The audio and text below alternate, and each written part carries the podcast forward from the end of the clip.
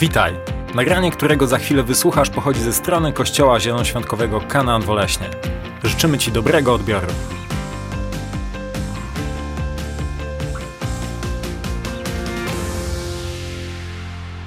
Kochani, witam Was e, bardzo, bardzo serdecznie w ten e, wielkanocny poranek, w ten wielkanocny dzień.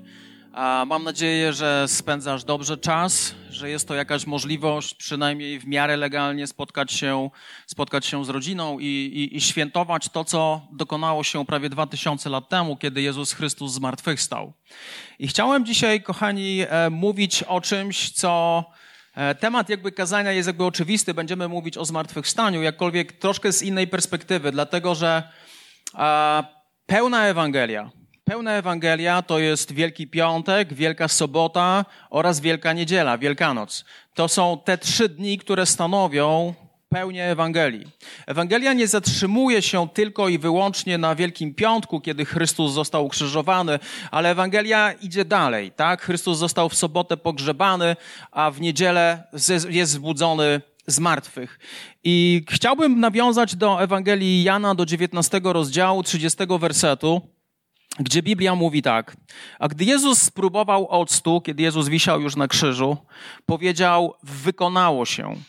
Po czym skłonił głowę i oddał ducha. Ostatnie słowa Chrystusa, kiedy on był na ziemi. Jego ostatnie słowa brzmiały: Wykonało się. Wykonało się to jest takie greckie słowo, które nazywa się tetelestai. I to greckie słowo tetelesta jest bardzo ciekawe, dlatego że to słowo było, było zapisywane na dokumentach biznesowych w czasach Nowego Testamentu albo na jakichś rachunkach. I to oznaczało, to wskazywało na to, że ten rachunek, ta umowa na daną rzecz została w pełni, ale to w, pełni spłacona, już nic, nic nie trzeba dodawać, nic nie trzeba do, dopłacać, jest to w pełni, ale to w pełni opłacone. To oznacza właśnie te telestaj, to oznacza, co Pan Jezus powiedział, Jego ostatnie słowa wykonało się, właśnie oznaczają te telestaj. Wykonało się. Czyli dzieło, dzieło zbawienia człowieka dokonało się w Wielki Piątek na krzyżu. To się dokonało.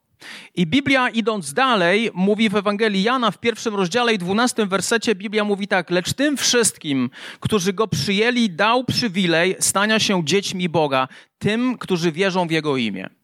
I tutaj jest taki dziwny, dziwny mit.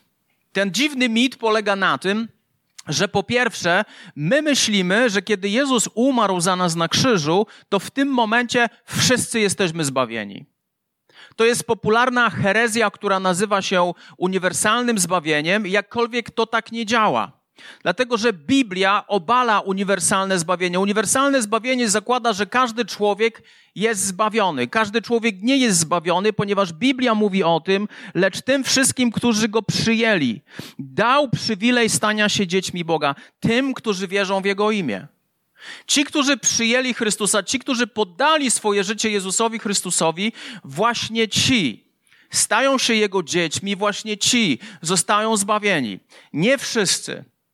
Biblia obala uniwersalne zbawienie. Biblia mówi o tym, że ci, którzy poddali swoje życie Jezusowi Chrystusowi, ci są zbawieni. Co to oznacza dla nas? Co oznacza dla nas Wielki Piątek? Co oznacza dla nas Wielka Sobota i Wielka Niedziela? Wielki Piątek wykonało się, dzieło zbawienia na krzyżu dokonało się. W sobotę, a patrząc historycznie, Jezus został pogrzebany, a w niedzielę Jezus zmartwychwstał. Jego zmartwychwstanie pokazuje nam jedną bardzo ważną rzecz, że chrześcijaństwo nie kończy się na Wielkim Piątku. Chrześcijaństwo zaczyna się od Wielkanocy, kiedy Jezus jest zbudzony z martwych i przychodzi coś nowego do życia ludzi, którzy poddali swoje życie Jezusowi Chrystusowi. W naszym kraju bardzo często jest tak, że widzimy Chrystusa, który jest ciągle i ciągle ukrzyżowany. Widzimy go ciągle wiszącego na krzyżu, jakbyśmy chcieli zatrzymać Wielki Piątek, jakbyśmy chcieli pokazać, że celem chrześcijaństwa jest tylko to, aby ludzie, aby ludzie pokutowali ze swoich grzechów. Celem chrześcijaństwa nie jest to, aby ludzie pokutowali ze swoich grzechów, tylko. Celem chrześcijaństwa jest to, abyśmy zaczęli żyć w nowy sposób, jako ludzie, którzy poddali swoje życie Jezusowi, abyśmy prowadzili nową jakość życia. W czasie Wielkanocy przez zmartwychwstanie Jezusa dokonało się kilka zmian i pojawiły się nowe rzeczy, których wcześniej nie było w Starym Testamencie. Po pierwsze, pojawiło się nowe serce. Księga Ezechiela, 36 rozdział, werset od 26 do 27. Biblia mówi tak. Dam wam serce nowe. Nowego ducha włożę w wasze wnętrza. Usunę z was serce kamienne, dam wam serce mięsiste. Mojego ducha włożę w wasze wnętrze i sprawię, że będziecie postępować według moich ustaw i będziecie przestrzegać moich praw i stosować je. W momencie, kiedy Jezus zmartwychwstał, nastało nowe przymierze. W momencie, kiedy Jezus zmartwychwstał i ci, którzy przyszli do Chrystusa, pokutowali ze swoich grzechów i poddali swoje życie Jezusowi Chrystusowi, w ich wnętrzu dzieje się niesamowita rzecz. Ta niesamowita rzecz polega na tym, że następuje wymiana serca. Biblia mówi o tym, że Bóg daje nam nowe serce, nowego ducha włoży w wasze wnętrza. Ten duch, który wchodzi w wnętrze człowieka, który poddaje życie Jezusowi, to jest duch święty. To jest sam Bóg, który zaczyna zamieszkiwać nasze wnętrze. Bóg usuwa kamienne serce. Czym jest kamienne serce? Kamienne serce to jest serce, które ma ciągle i ciągle skłonność do grzechu. To jest serce, które nie potrafi pozbyć się tej skłonności do grzechu.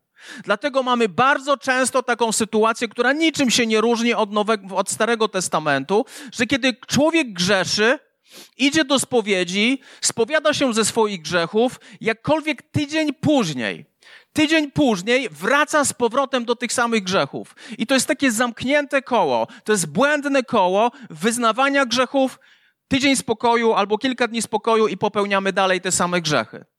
Jak, dlaczego tak jest? Dlatego, że ludzie nie, dozna, nie doznali czegoś, o czym mówi Nowy Testament, nie doznali wymiany serca. Serce, które Bóg zmienia, to nowe serce, które Bóg zmienia, to jest serce. To jest serce, które daje nam Bóg, które, gdzie zaczyna zamieszkiwać Duch Święty, i my w tym momencie przestajemy być niewolnikami grzechu, i w tym momencie stajemy się ludźmi wolnymi o grzechu.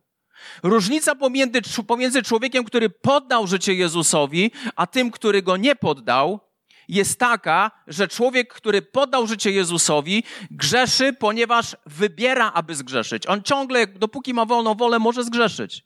Natomiast człowiek, który, który nie poddał życia Jezusowi, Chrystusowi, jego serce ciągle jest kamienne. Jego serce ciągle jest nieprzemienione. On grzeszy, ponieważ musi, ponieważ jest niewolnikiem grzechu. To jest pierwsza wymiana, która dokonuje się w naszym życiu, kiedy podajemy swoje życie Jezusowi Chrystusowi i zmartwychwstanie Jezusa Chrystusa właśnie pokazuje tą rzecz. Wymienię wasze serca. Wymienię serca tych, którzy przyjdą do mnie i poddadzą mi swoje życie. Druga wymiana, która nastąpiła w momencie, kiedy Chrystus zmartwychwstał, to nastało nowe przymierze. Mówi o tym Księga Jeremiasza, mówi o tym Stary Testament, rozdział 31, wersety od 31 do 33. Oto idą dni, oświadcza Pan, gdy zawrę z domem Izraela i z domem Judy nowe przymierze. Nie takie przymierze, jak zawarłem z ich ojcami w dniu, gdy ich ująłem za rękę, by ich wyprowadzić z Egiptu. Tamto przymierze ze mną oni zerwali, chociaż ja byłem ich panem, oświadcza Pan. Teraz jednak zawrę z domem Izraela takie przymierze, oświadcza Pan. Moje prawo włożę w ich wnętrza i wypiszę je na ich sercach. Ja będę ich Bogiem, a oni będą moim ludem. Nowe przymierze polega na tym, że Jezus Chrystus, Jezus Chrystus powiedział na krzyżu, wykonało się.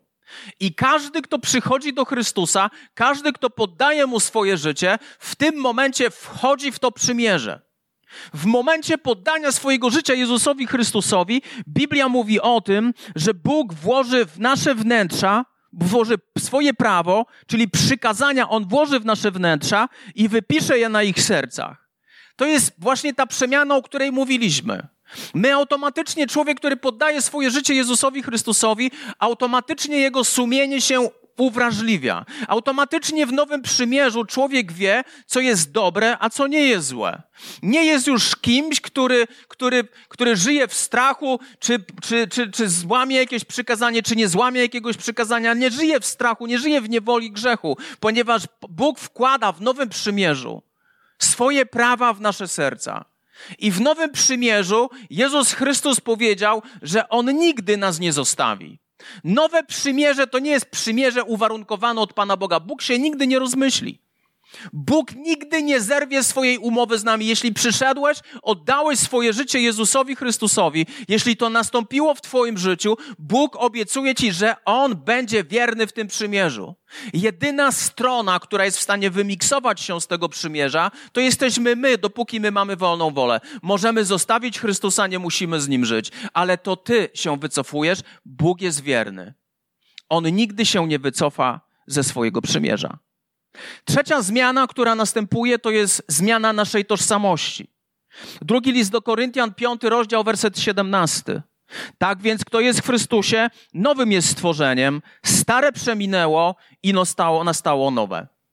Myślę, że spore, spora część ludzi, jak nie większość, chciałoby zacząć na nowo swoje życie.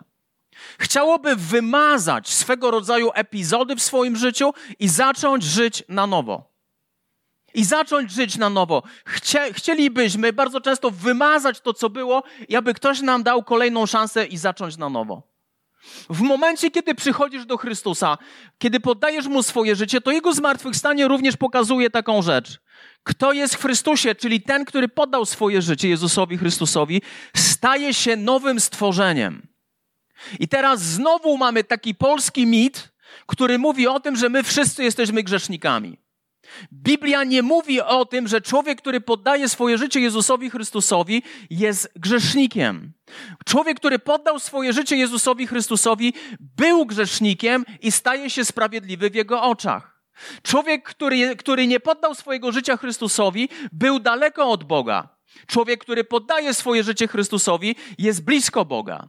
Człowiek, który nie, nie poddał swojego życia Chrystusowi, był wrogiem Pana Boga. W momencie, kiedy człowiek poddaje swoje życie Chrystusowi, w tym momencie człowiek staje się przyjacielem Jezusa Chrystusa. I jest kilkadziesiąt, kilkadziesiąt różnic pomiędzy tożsamością człowieka, który nie poddał życia Jezusowi, a tym, który poddał życie Jezusowi. Najpiękniejsza rzecz jest taka, w naszej tożsamości, że kiedyś byliśmy duchowo dziećmi niczyimi.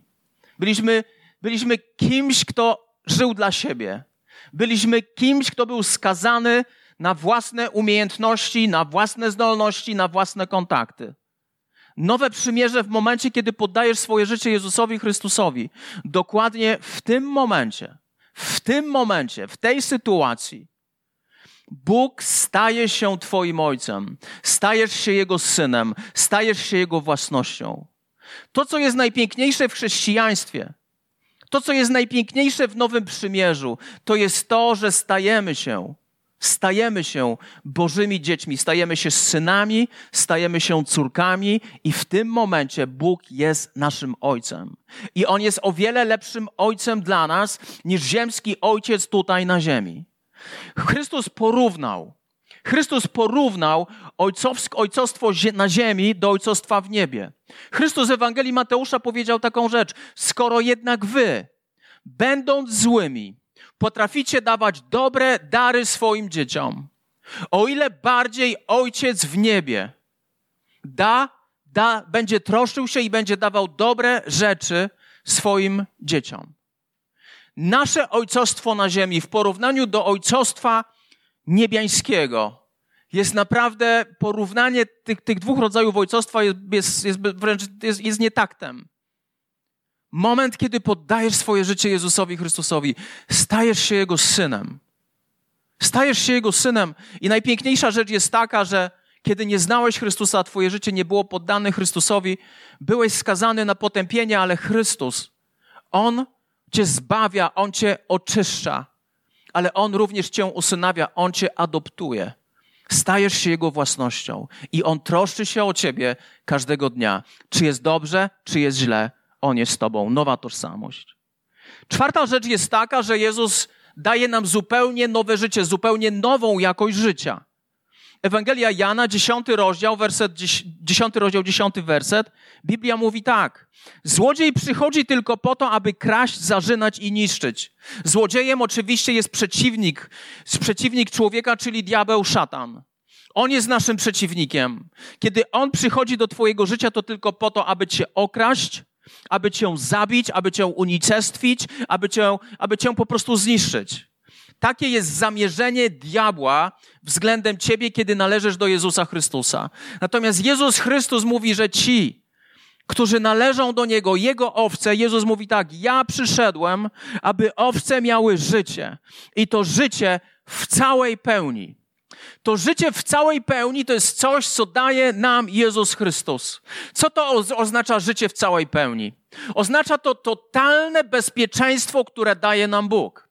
Oznacza to poczucie spełnienia, które daje nam Bóg. Oznacza to również poczucie znaczenia, które daje nam Bóg. Bóg przychodzi i nadaje sens naszemu życiu i naszemu istnieniu.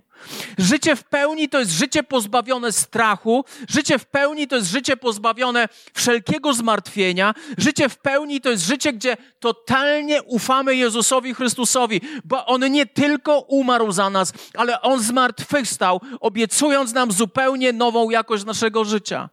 To życie w pełni to jest coś, co Bóg ma dla nas. To jest życie, którym Bóg cię wypełnia i wręcz to chcecie rozsadzić od środka. To szczęście chce wypływać z twojego środka tak bardzo. Tak bardzo Bóg przemienił twoje życie i tak bardzo Bóg nadał sens twojemu istnieniu. Ciekawe jest to, że w momencie, kiedy poddajesz życie Chrystusowi, to w tym nowym życiu jest również nowa perspektywa wieczności. Czwarta księga Mojżeszowa, Stary Testament, jest opisana śmierć Mojżesza. Czwarta księga Mojżeszowa, 27 rozdział, werset 13, księga liczb. Bóg mówi do Mojżesza takie słowa: Potem, podobnie jak twój brat Aaron, zostaniesz przyłączony do grona swoich przodków. Kropka. Bóg nie mówi, potem Mojżeszu umrzesz i koniec. Bóg mówi do Mojżesza, zostaniesz przyłączony, co oznacza dla Boga, że umrzesz, zostaniesz przyłączony do grona swoich przodków. Śmierć dla człowieka, który oddał swoje życie Jezusowi Chrystusowi. Pokazuje nam to również Wielkanoc, pokazuje nam zmartwychwstanie Jezusa Chrystusa, który zwyciężył śmierć. Zwyciężył strach przed nad śmiercią. Zwyciężył strach przed śmiercią. Zwyciężył ten lęk, z którym żyje wielu ludzi. I Bóg patrzy na śmierć w taki sposób, że w momencie, że Twój ostatni oddech na ziemi tutaj jest pierwszym oddechem w niebie. Twój ostatni oddech na ziemi jest pierwszym oddechem w niebie. Kiedy poddajesz życie Jezusowi, właśnie masz pewność zbawienia, że gdybyś dzisiaj zmarł, gdybyś dzisiaj umarł, to w tym momencie zmienia się tylko dla ciebie czasoprzestrzeń. Zostajesz przyłączony do ludzi, którzy już poddali swoje życie Jezusowi Chrystusowi, zostajesz przyłączony. Do ludzi, którzy kiedyś pojednali się z Bogiem, zmienia się Twoja lokalizacja. Już nie jesteś na ziemi, jesteś w niebie. Człowiek, który wierzy w Jezusa Chrystusa, tak naprawdę nie doświadczy śmierci, bo Twój ostatni oddech na ziemi będzie pierwszym oddechem w niebie. To nie będzie jakaś długa podróż, to się stanie od razu. Zamkniesz oczy na ziemi, otworzysz za chwilę swoje oczy w niebie. Ten lęk przed śmiercią to jest coś, co zabrał nam Bóg. Bóg chce, abyśmy koncentrowali swoje życie właśnie na, na życiu, które On nam daje, abyśmy żyli totalnie wolnie od śmierci, ponieważ śmierć nie jest dla nas końcem, tak jak dla Chrystusa nie była końcem, tak dla nas nie jest końcem. Kolejna rzecz to jest nowa relacja, którą daje nam Bóg. Ewangelia Mateusza, 27 rozdział, wersety od 50 do 51. Jezus zaś znowu donośnie zawołał i oddał ducha. Chrystus znajduje się na krzyżu. I teraz jest ciekawa rzecz się dokonuje. Wtedy zasłona przybytku rozdarła się na dwoje. Od góry do dołu ziemią zatrzęsło, skały popękały. To jest bardzo ciekawa rzecz. W świątyni jerozolimskiej Świątynia jerozolimska składała się z trzech takich pomieszczeń. Pierwsze pomieszczenie w świątyni to był dziedziniec zewnętrzny. Ten dziedziniec zewnętrzny był oddzielony od kolejnego pomieszczenia. Tym kolejnym pomieszczeniem było miejsce święte.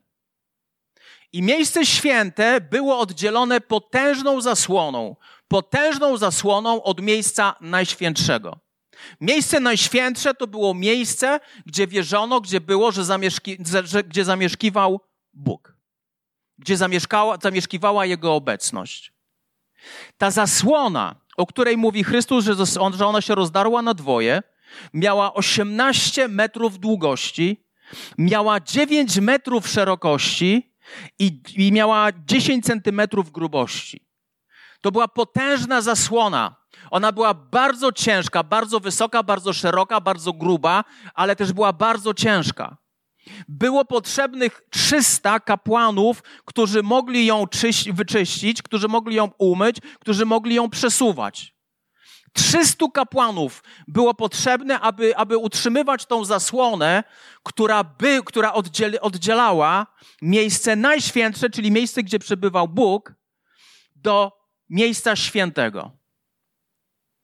I to jest ciekawe. Do tego miejsca świętego, gdzie przebywał Bóg, raz w roku, w czasie święta przebłagania, wchodził arcykapłan. Raz w roku. W czasie jednego święta, w, świe- czasie święta przebłagania, wchodził arcykapłan, aby skropić to miejsce krwią. To oczywiście to była krew z ofiar. Aby oczyścić Izraela z wszystkich grzechów.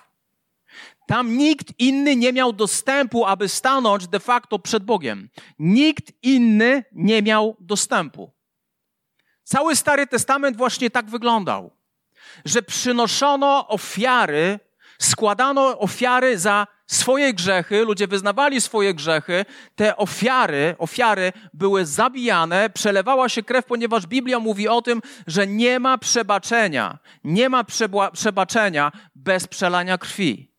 I zamiast ludzi umierały zwierzęta, ponieważ Biblia mówi o tym, że zapłatą za grzech jest śmierć. Zwierzęta umierały zamiast nas. Krew zwierząt była przelewa, przelewana dla naszego przebaczenia, dla naszego zbawiania. Wyobraź sobie życie w takiej mentalności, że nigdy nie staniesz tak de facto przed Bogiem, bo tylko arcykapłan mógł stanąć przed Bogiem raz w roku tylko arcykapłan, wybitna, wybitna jednostka w Izraelu. Bóg był dla człowieka kimś odległym. Bóg był dla człowieka kimś prawie niedostępnym. Podchodziło się do Boga w taki sposób bardzo sakrum, klękało, mogłeś klękać, jeśli byłeś w miejscu świętym, nie najświętszym, ale świętym, to mogłeś tam klękać, mogłeś oddawać Bogu chwałę, ale nigdy nie stawałeś w Jego obecności. I w Nowym Testamencie, poprzez zmartwychwstanie Chrystusa i śmierć Chrystusa, dzieje się niesamowita rzecz. List do Hebrajczyków, czwarty rozdział, szesnasty werset, Biblia mówi tak. Zbliżajmy się zatem odważnie i ufnie do tronu łaski, abyśmy dostąpili miłosierdzia i znaleźli łaskę zapewniającą pomoc w stosownej porze. To jest niesamowita rzecz. Przez śmierć Chrystusa ta zasłona, która oddzielała miejsce najświętsze, gdzie przebywał Bóg, od miejsca świętego, ona się rozdarła, ona zniknęła. Biblia mówi o tym, że już do tego miejsca najświętszego nie wszedł arcykapłan, ale właśnie wszedł Chrystus jako nasz arcykapłan, czyli ten, który wstawia się za nami. On jest jedynym naszym wstawiennikiem. On się wstawia za nami i on wszedł do tego miejsca najświętszego już nie w taki sposób, jak wchodzili arcykapłani ziemscy, ale on wszedł ze swoją krwią. I w tym momencie w tym momencie cała ofiara za grzech człowieka to się dokonało. Krew została przelana. Za grzech człowieka to nie była krew zwierząt, to była krew samego Boga, Syna Bożego. I ta zasłona opadła i w Nowym Przymierzu autor listu do Hebrajczyków mówi do chrześcijan. Zbliżajcie się odważnie, zbliżajcie się ufnie do tronu łaski dla chrześcijan nie ma tronu sądu. Tron Boży nie jest tronem sądu, ale jest tronem łaski. I po co przychodzimy do tego tronu łaski? Po co stajemy przed Bogiem? Abyśmy dostąpili miłosierdzia, abyśmy znaleźli łaskę, która zapewnia nam pomoc w stosownej porze. Bóg dla swoich dzieci udostępnia nam drogę. On nam udostępnia drogę, abyśmy mogli śmiało stawać przed Bogiem. Autor listu do Hebrajczyków mówi: idźcie tam odważnie, idźcie tam z pełną ufnością. To nie jest tron sądu dla was. Tam zasiada wasz ojciec, który chce wam dawać łaskę i miłosierdzie, kiedy tylko tego potrzebujecie. To jest potężna wymiana, to jest nowa relacja, którą człowiek, której, której człowiek mógł doświadczyć poprzez śmierć i zmartwychwstanie Chrystusa. Nasze życie również jest kolejna wymiana, już przedostatnia. Nasze życie nabrało nowego znaczenia. Jezus w Ewangelii Jana w 15 rozdziale i 16 wersecie mówi taką rzecz. Nie wy mnie wybraliście, ale ja was wybrałem. I przeznaczyłem was, abyście szli i przynosili owoc, a wasz owoc trwał, aby Ojciec spełnił wam wszystko to, o co poprosicie w moim imieniu. Jezus mówi tutaj o kilku ważnych rzeczach. Po pierwsze, Jezus mówi: To nie wy mnie wybraliście, to ja was wybrałem. Dzieło zbawienia to jest dzieło głównie Pana Boga. My musimy tylko powiedzieć tak i poddać swoje życie Jezusowi. To Jezus powiedział, wykonało się. Nie musisz już niczego robić, aby być zbawionym człowiekiem poza poddaniem życia Jezusowi Chrystusowi. I Jezus powiedział: Ja was przeznaczyłem, to jest nasze przeznaczenie, abyście szli i przynosili owoc. Kiedy jesteś chrześcijaninem, kiedy poddałeś swoje życie Jezusowi Chrystusowi, nad Twoim życiem jest przeznaczenie. To przeznaczenie to jest cel, w jakim zostałeś stworzony i dla którego w ogóle się urodziłeś i istniejesz na planecie Ziemia. Możesz być chrześcijaninem, który w ogóle nie funkcjonuje w taki sposób, jak Bóg przeznaczył. To jest Twój wybór. Wielu chrześcijan niestety nie żyje zgodnie ze swoim przeznaczeniem. Wielu chrześcijan doświadczyło Wielkiego Piątku, ale już nie doświadcza Wielkanocy, nie doświadcza jakości nowego życia, nie doświadcza tego, że nasze życie nabrało znaczenia, że jesteśmy powołani przez Niego. Jesteśmy powołani po to, aby przynosić owoc. I słuchasz mnie, mój drogi przyjacielu, moja droga przyjaciółko, chcę Ci coś powiedzieć. Jesteś przez Boga powołany. Nie odkryjesz swojego powołania, dopóki nie poddasz swojego życia Jezusowi Chrystusowi. A jeśli poddałeś swoje życie Jezusowi Chrystusowi, to zauważ, że Bóg robi wszystko, abyś wszedł w przeznaczenie, które On ma dla Ciebie, abyś przynosił owoc. I ostatnia rzecz, ostatnia nowa rzecz dla nas to jest nowe niebo i nowa ziemia. Apokalipsa, 21 rozdział, wersety od, od 1 do 4. Następnie zobaczyłem nowe niebo i nową ziemię, gdyż pierwsze niebo i pierwsza ziemia przeminęły. Pierwsze niebo przeminęło, pierwsza ziemia przeminęła, to się stanie w końcu skończy się ten świat, nie będzie lepiej. Kochani, będzie tylko coraz, coraz gorzej. Łudzimy się, że jak skończy się koronawirus, skończy się ta pandemia, to będzie lepiej. Nie, nie będzie lepiej, będzie tylko coraz gorzej. I dojdziemy do miejsca, gdzie Bóg zakończy istnienie nieba, które jest obecnie, i zakończy istnienie ziemi. I dalej Biblia mówi: Nie ma już morza. Zobaczyłem też święte, święte miasto, Nową Jerozolimę Wstępowała ona z nieba od Boga, przygotowana była jak panna młoda, wystrojona dla swojego męża.